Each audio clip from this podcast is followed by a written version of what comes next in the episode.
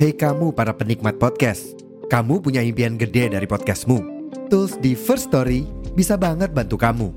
Mulai dari F-Link, Dynamic Audio Insertion, sampai statistik yang komprehensif, semua ada di First Story. Gak ketinggalan, kamu bisa monetisasi podcastmu lewat iklan dari First Story Ads yang bisa kasih kamu penghasilan dari setiap place podcastmu. Yuk gabung sekarang dengan klik di firststory.me. Sekali lagi, di firststory.me. Mari kita bawa mimpi podcastingmu menjadi kenyataan.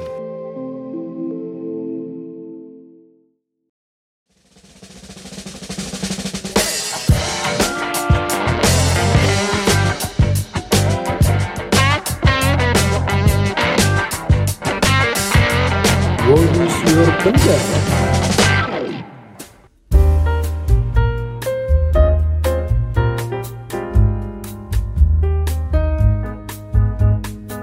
Oke, halo selamat malam semuanya kembali lagi di podcast Roadcast. Untuk malam ini kita masuk di season What is your pendapat lagi? Nah, buat kali ini requestan spesial dari salah satu pendengar Roadcast juga. Nah, kemarin tuh nanya eh, bahas tentang pernikahan lagi gitu. Terus kebetulan aku ada teman yang baru aja nikah. Halo. Halo. Oke, kita langsung ke tanya-tanya dari netizen saja ya guys. Jadi ini adalah lempar manggis atau uh, lempar pertanyaan mangga diisi. Ini udah ada yang ngisi juga. Jadi buat pertanyaan pertama itu dari Sania, menikah sama yang setara itu penting gak sih? Nah itu setara itu gimana maksudnya ya? Setara dalam pemikiran, setara dalam apa kan banyak banget ya. Gimana jawaban anda? Kalau setara dalam pemikiran dan prinsip itu wajib ya menurutku. Kalaupun nggak setara harus ditemuin jalan tengahnya karena itu penting untuk keberlangsungan ke depannya. Kalau secara materi, materi bisa dibangun bersama te- tergantung kekompakan dan saling support aja. Kalau agama ya harus sama. Hmm, nah kebetulan mer- mereka kan agak beda ya. Dan sekarang udah sama alhamdulillahnya, oke? Alhamdulillah. Berarti sudah terjawab ya Sania ya Setara itu penting Sangat-sangat penting Karena kan sampai hari tua kan kamu ngobrolnya juga sama itu Kalau nggak setara kan ya agak susah ya Ya nggak sih? Iya betul. Hmm, Oke kita next pertanyaan ini Kira-kira dengan gaji UMR buat nikah tuh bakal jadi bahan perdebatan gak sih? Nah itu gimana? Perdebatan gak? Tergantung bisa nerima atau enggak. Kalau kita, alhamdulillah kita bisa saling nerima, tapi Tapi apa itu nih? kan itu kan awal-awal Iya. kita harus punya ini kita nggak bisa dong kayak kita oh kita cuma ngandelin cuma UMR nggak maju-maju dong kita harus Hmm. Betul. cari cara gimana kita meningkatkan itu entah itu kita cari kerjaan sampingan lain Hmm. Entah itu nyalek kita gitu ya. bikin usaha boleh boleh itu lumayan itu banyak banget itu jadi caleg tuh Iya berarti gitu ya. Eh, juga ada Iya. plan-plan buat kita apa namanya punya penghasilan tambahan karena kan kalau di Jogja juga meskipun murah kalau kita nggak punya penghasilan tambahan apalagi hidup berdua ya agak kur- kurang bagus ya. Ya betul betul. Apalagi nantinya bakalan punya Hmm, anak, betul. pengen punya rumah sendiri, itu pasti harus dipikirkan. Walaupun eh, semuanya tuh pelan pelan ya, nggak Hmm. ada yang instan. Oke, berarti bisa jadi bahan perdebatan ya guys. Tapi ya balik lagi komunikasi. Kalau komunikasinya enak pasti enak gitu. Apalagi si ceweknya juga suportif, pasangan suportif pasti enak sekali. Oke, kita next ya. Oke.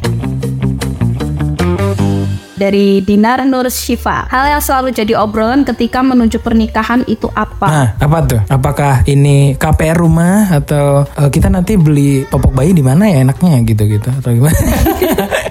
Pertimbangan untuk beli rumah itu pasti. Kira-kira kita punya target berapa tahun nggak untuk kita punya rumah? Hmm. Kayak gitu di daerah mana? Eh, nggak usah besar-besar, yang penting rumah sendiri kayak gitu. Sama punya anak Ah. sih, karena kebetulan kami kami itu ya eh, sepakatnya adalah kita nggak mau langsung punya Hmm. anak karena kita harus mempersiapkan finansial dan semuanya dulu. Jadi jangan sampai anak kita nanti kekurangan atau segala Oh, macam iya, iya. kayak gitu. Jadi kalau ketika kita punya anak udah bisa nyukupin semuanya lah, nggak harus mewah tapi cukup. Eh, nggak perlu mewah, yang penting cukup ya kan. Iya. Tapi aku lihat-lihat tuh susu bayi mahal-mahal loh, sampai ada yang di rantai-rantai gitu. Iya mahal banget memang punya anak itu tanggung jawabnya juga kan nggak cuma secara finansial ya. Harus tanggung jawab mendidik juga loh guys. Iya, makanya kita harus mempersiapkan itu semua. Menikah juga tujuannya bukan cuma punya anak. Menikah itu kan tujuannya banyak. Dan Iya. kita tuh harus belajar. Sepanjang pernikahan kita terus belajar. Kita Iya. sekarang, kami sekarang itu juga sedang belajar. Belajar gimana nanti kalau kita punya anak, cara didiknya dan lain-lain. Belajar parenting ini, ya, itu juga Ah, belajar parenting. didiskusikan setiap hari. Belajar parenting Betul. eh, butuh banget ya apalagi seorang ibu ya. Betul, karena pendidikan pertama seorang anak adalah ibu. Ibu, eh, bener bener bener. Sama komunikasi apa belajar biar anaknya tuh nanti mau terbuka sama orang tua itu juga susah loh ternyata. Betul Iya kan? sekali. Makanya ilmu parenting itu penting jangan cuma kayak aduh aku lucu banget aku pengen punya bayi gitu-gitu. Cuman ya kalau kalian baby Iya. blues ya aduh kasihan bayinya, ya kan? Kalau Bayi untuk biru. mencegah baby blues adalah tangani mental orang tuanya dulu. Nah itu dia. Kalau orang tuanya bahagia, insya Allah nggak baby blues kok. Aduh aku jadi ini deh. Semoga bahagia deh nanti ya istriku ya. Dari Kak Silmi. Kak, sebenarnya bisa dikatakan siap menikah kalau kita udah kayak gimana sih? Nah, siap mental. Siap mental pasti. Siap mental pasti. Terus kalau ketemu jodohnya, Hah? ketemu yang dikira-kira ini jodohku apa bukan istikharah. Aku dulu istikharah. Kamu istiqoroh berarti. Jadi kayak sholat gitu terus maksudnya dapat sinyal-sinyalnya kayak mana? Perasaan. Oh perasaan gitu. Keyakinan. Tapi perasaanku kadang nggak akurat gimana dong? Kadang tuh yakinnya beda kok mas. Tapi sebelum beda. sebelum aku ketemu sama Mas Zanu, eh, itu tuh aku berdoa sebelum ketemu nih, Hmm. Oh. ketemu deket gitu. Iya, kan iya. tahu dia kakak tingkatku, tapi Iya, nggak iya. kenal. Sebelum kenal itu, aku sempet pernah mau menikah sama orang, tapi karena Iya. gagal kan. Nah itu aku berdoa. Aku kan posisi tersakiti tuh kan, karena aku ditinggal nikah tuh sama Waduh, mantanku. waduh, waduh. Ini nggak apa-apa ya Zan dibahas ya Zan ya. Eh nggak apa-apa dia santai karena Oh, kita santai. udah udah se- iya dia kita udah ini Santai, aku udah tahu semua kok. Ya nggak santai aku soalnya.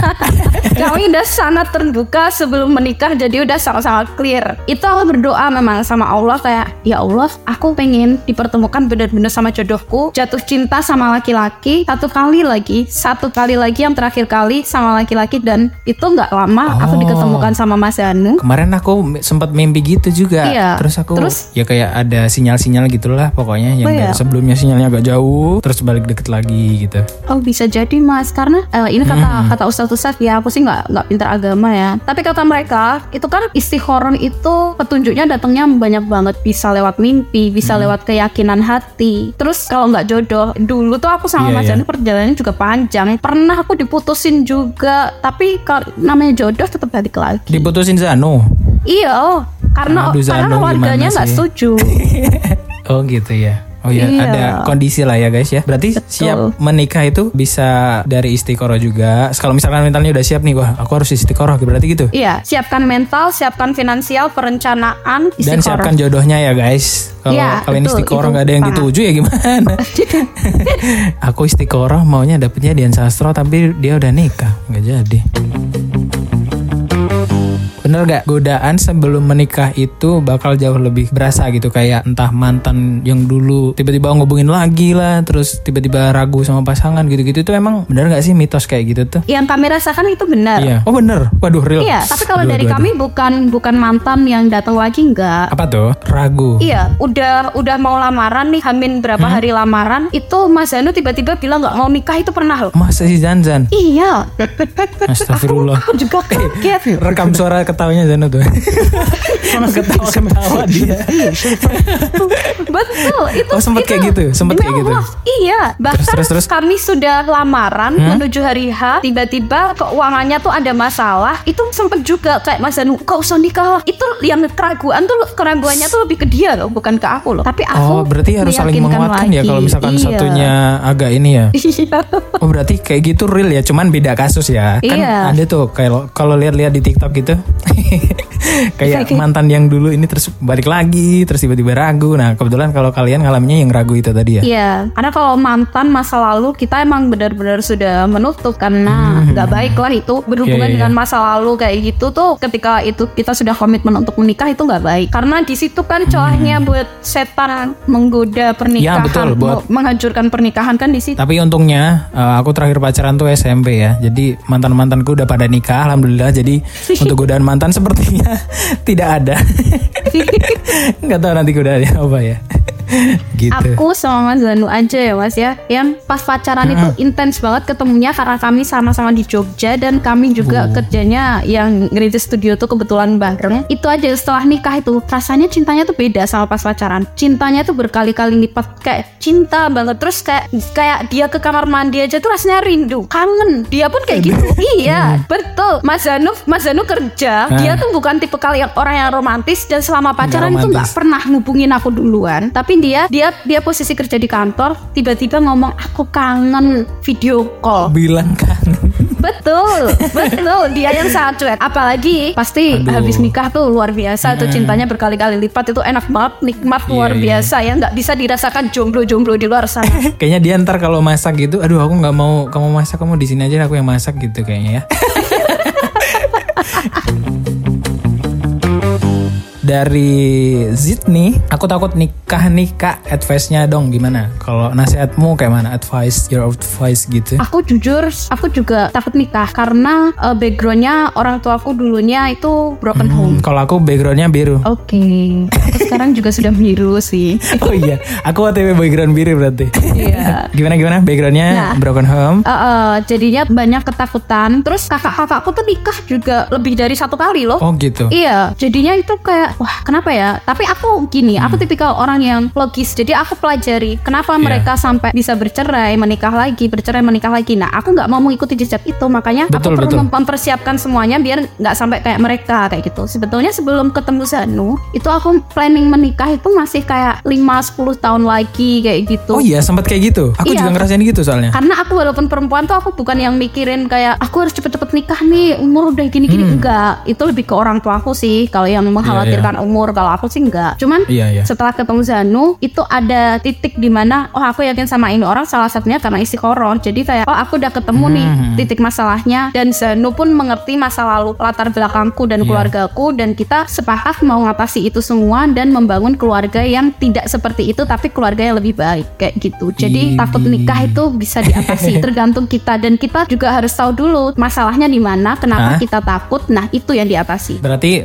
menikah karena dia orangnya ya. betul Aku juga gitu memutuskan kayak waduh kayaknya aku uh, udah saatnya nih kayak karena ketemu sama satu orang ini gitu. Terus kayaknya wah kayaknya aku padahal menundanya kayak aduh nanti dulu deh tunggu ekonominya benar-benar mapan dulu punya penghasilan yang gede dulu gitu. Tapi ternyata jadi kayak wah kayaknya ini udah waktunya nih gitu meskipun apa namanya belum waktunya tapi katanya rezeki nikah itu ada. Mungkin kalian udah ngerasain betul, gitu. betul, betul. Rezeki setelah pernikahan itu luar biasa, tidak disangka-sangka. Hmm. Kalau pernikahannya dijalankan dengan tepat ya, karena eh, contohnya gini, kemarin tuh sebelum nikah kan, ya namanya manusia kan kita tetap mengkalkulasi dan merencanakan ya, eh nanti kita gaji Ya. ke- gaji segini untuk ini ini kita bisa nabungnya sebulannya segini segini kayak gitu. Tapi faktanya setelah pernikahan kita tuh sempat bingung nanti gimana ya cukup nggak ya cukup nggak ya sempat kayak gitu. Sedangkan kita butuh kebutuhan Ah. ini ini. Tapi tuh jelalah tuh kebetulan Delalah. aku orang Jawa ya, keluar Jawa nih. Ya aku ya Jawa, aku ya Jawa.